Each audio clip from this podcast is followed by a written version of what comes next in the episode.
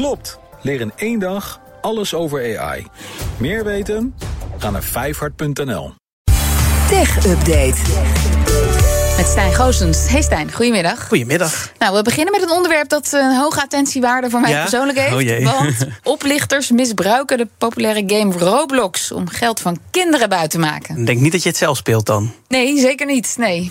Eh, nou ja, de, de NOS die kwam eh, vanmiddag met dat nieuwsverhaal. Roblox eh, is een erg populair spel onder kinderen inderdaad. En in dat spel kun je zelf spellen bouwen en spellen van anderen spelen. En nou is het niet nieuw dat er oplichters zijn die gamers scammen. Mhm. Maar de manier waarop, waarop dit gebeurt is toch wat vermelden waard. En het is natuurlijk ook ongelooflijk dat je van kinderen geld loopt te jatten. Nou, kinderen krijgen, hoe die scammers nu te, te werk gaan... kinderen krijgen onderlinge linkjes doorgestuurd naar een website. En eh, op die website worden je gratis duizenden Robux eh, aangeboden. En Robux, dat zijn dan weer virtuele muntjes... waarmee je betaalt op het gameplatform. En dan kan je bijvoorbeeld kleding voor je avatar kopen... of een nieuw vir- virtueel huisdier. Eh, de NOS die sprak onder andere met een meisje van 12... dat via de link een vragenlijst moest invullen. En deze lijst eh, ehm, ook nog vervolgens moest doorsturen... naar allemaal andere vriendjes en vriendinnetjes... om aanspraak te maken op de Robux. En daardoor verspreidt dus die eh, scam-website zich heel snel onder kinderen. En op de website staan dan veel nep-reviews... die melden dat de site echt werkt en dat ze veel Robux hebben gekregen.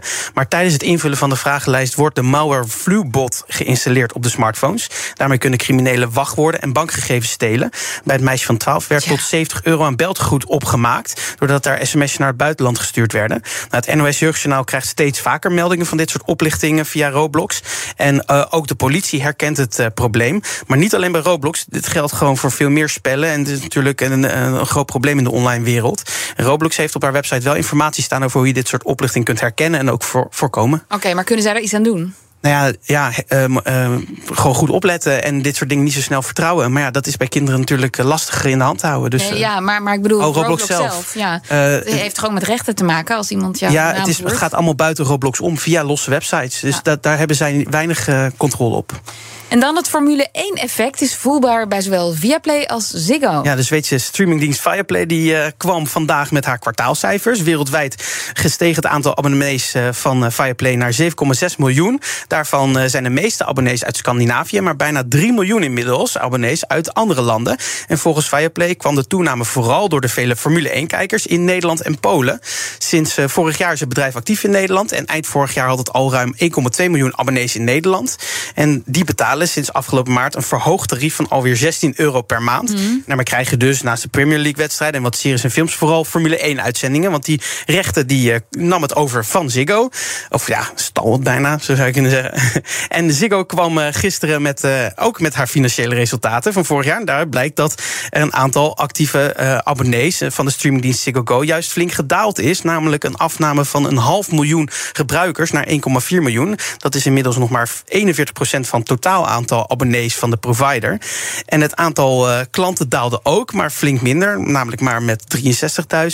Dus het is niet bekend waardoor die daling zoveel hoger ligt eh, van streamingdienst. Maar het zou zomaar kunnen komen door dat Formule 1 effect. Want die Formule 1 uitzending, eh, ja, die trekt een hoop kijkers. En als je die niet meer hebt, dan zijn ze net zo snel verstappen weer weg.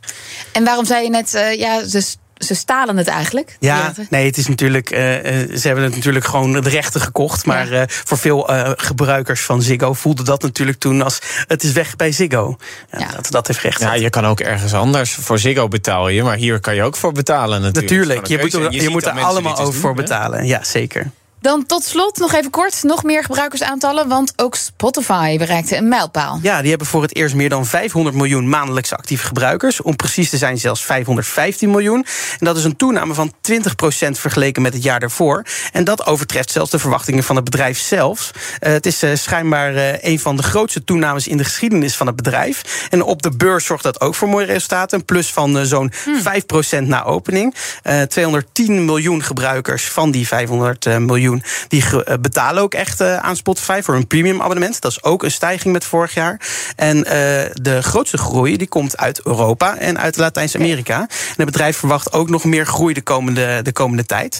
Ja, al die onverwachte groei zorgt niet, niet voor winst helaas. Want het bedrijf heeft nog steeds verlies. nog ja, 156 miljoen euro verlies. En dat zal de komende tijd ook nog eventjes zo blijven. Maar misschien dat we volgend jaar ineens de zwarte cijfers zien.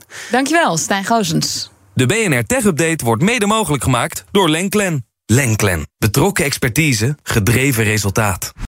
Klopt. Vijfhart IT-opleidingen geeft jou een vliegende start met AI. Meer weten? Ga naar vijfhart.nl.